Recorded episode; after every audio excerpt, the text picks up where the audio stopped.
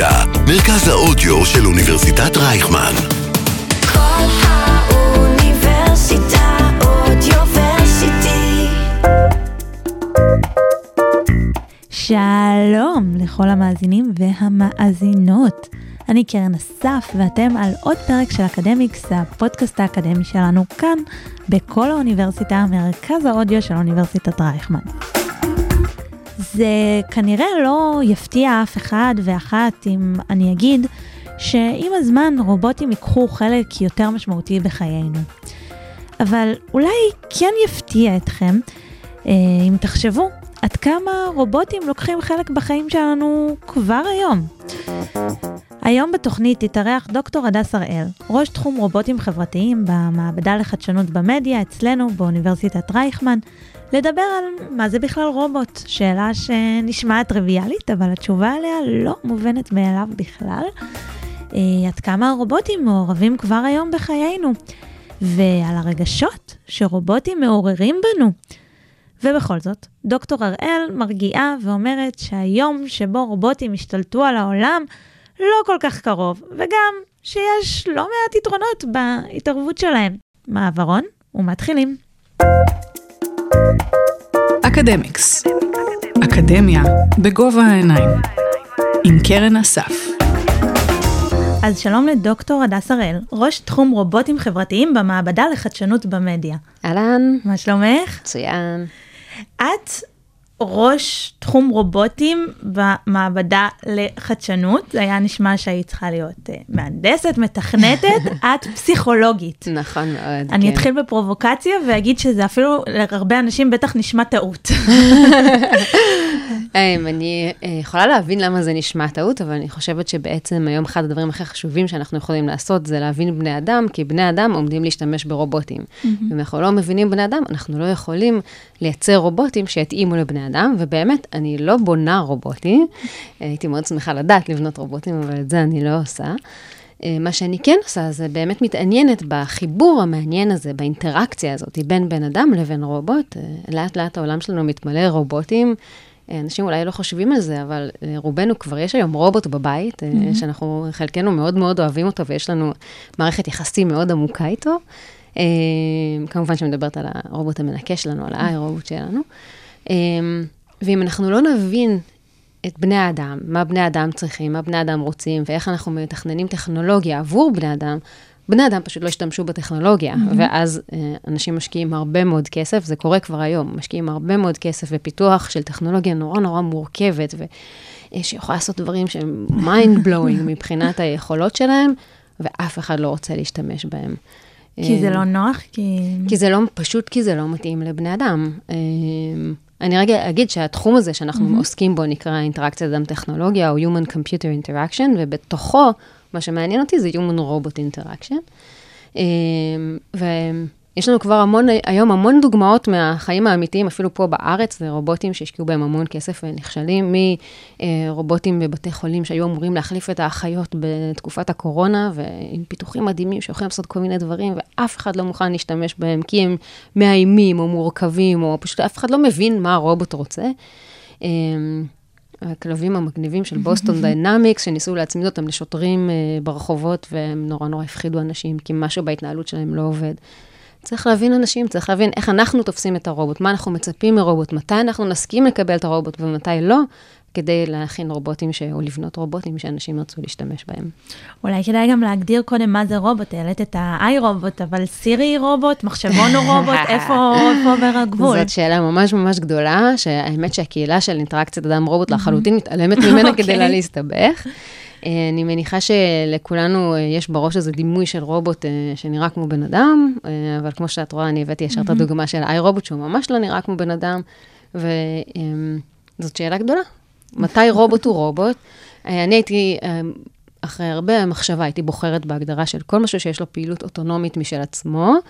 סירי זו דוגמה ממש טובה, כי יש לה סוג של פעילות, אבל לא בדיוק, כי היא מגיבה אליי, היא הרבה יותר תגובתית, אה, ולכן אני חושבת שאני מחפשת משהו שהוא יותר עצמאי בהתנהגות שלו.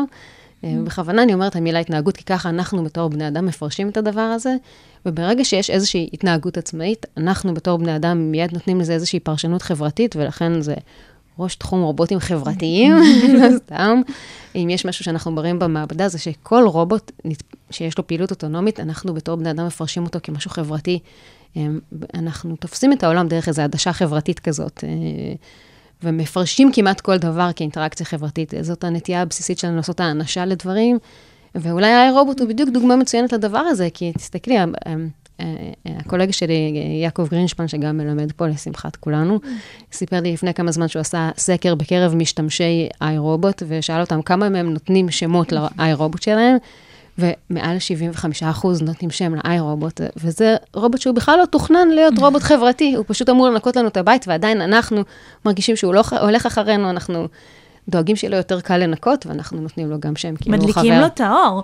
מדליקים לו את האור. את זה עוד לא שמעתי, מגניב שלא. יהיה לו חשוך. שמעתי על מישהי שנתנה לו שם מסוים, ואז אמרה, לא, זה לא התאים לו. זה לא מתאים אז לו." החלפתי שם לשם אחר.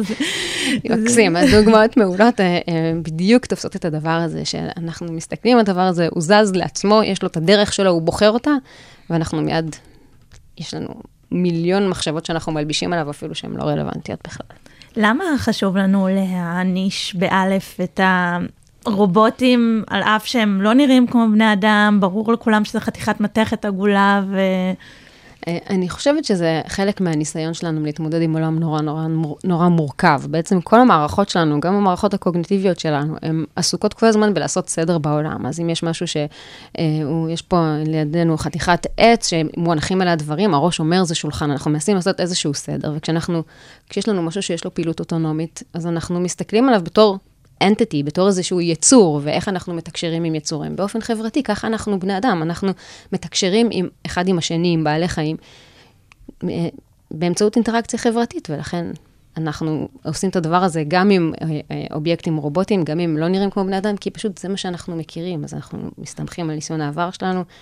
ובאופן כללי אנחנו יצורים מאוד מאוד חברתיים, לא טוב להיות האדם לבדו, זה לא המשפט שהוא נפל עלינו מהשמיים, הוא ממש טבוע בטבע האנושי שלנו. לא, גם נחזור על זה שנדבר על סוגי הרובוטים, על לא טוב היות האדם לבדו. אה, אבל אני רוצה קודם גם לשאול אותך, האם זה הצורך שלנו בתבניות ולתייג רובוט כבן אדם הוא נכון לכולם, גם לילדים שנולדו לסביבה הזאת, או שזה נחלתם של הזקנים בני השלושים? אני חושבת שזה ממש טבע האדם. אז אה, צריך להסתכל קצת לעומק יותר, את יודעת, גם אנחנו, הדורות מתחלפים, ואנחנו, אה, אה, הילדים שלי כבר מתייחסים לטכנולוגיה אחרת מהאופן שבו אני מתייחסת לטכנולוגיה, אבל עדיין כולנו מתייחסים לאי רובוט באותו אופן, כולנו חושבים עליו כיצור חברתי. האם זה מגביר את הנכונות שלנו לקבל את הרובוט או מקטין אותה? זה תלוי בהרבה גורמים. בני אדם הם יצורים מורכבים, ויש גם... אה, אה, הבדלים, אה, אפילו לא מבחינת דורות, יותר מבחינת החיים שלנו. זאת אומרת, כשאנחנו צעירים יותר, חשובים לנו דברים מסוימים, כשאנחנו מבוגרים יותר, חשובים לנו דברים אחרים. סתם ניקח דוגמה, אוקיי? ניקח אנשים מבוגרים, אני אקרא להם זקנים, מתוך mm-hmm. כבוד, לא מתוך איזה, זה, יש לי אג'נדה. זקני הכפר. בדיוק, זקני הכפר, נכון? אני לא חושבת שזקנים זו מילה בעייתית.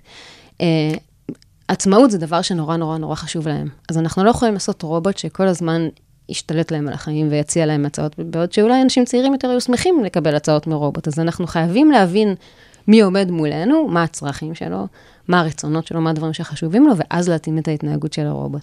אז פה יש לנו כמובן הבדלים, אבל uh, בסוף אני חושבת שההסתכלות שה, החברתית הזאת היא משהו כל כך בסיסי בטבע האנושי, שכרגע לפחות זה לא עומד להשתנות. ומכיוון שזה לא הולך להשתנות, לפחות לא בקרוב, חשוב להבין את ההשלכות החיוביות והשליליות של הדבר הזה, שאפילו לא ברור לנו איך מגדירים אותו, אבל אין ספק שהולך ונהיה יותר ויותר מהותי בחיינו.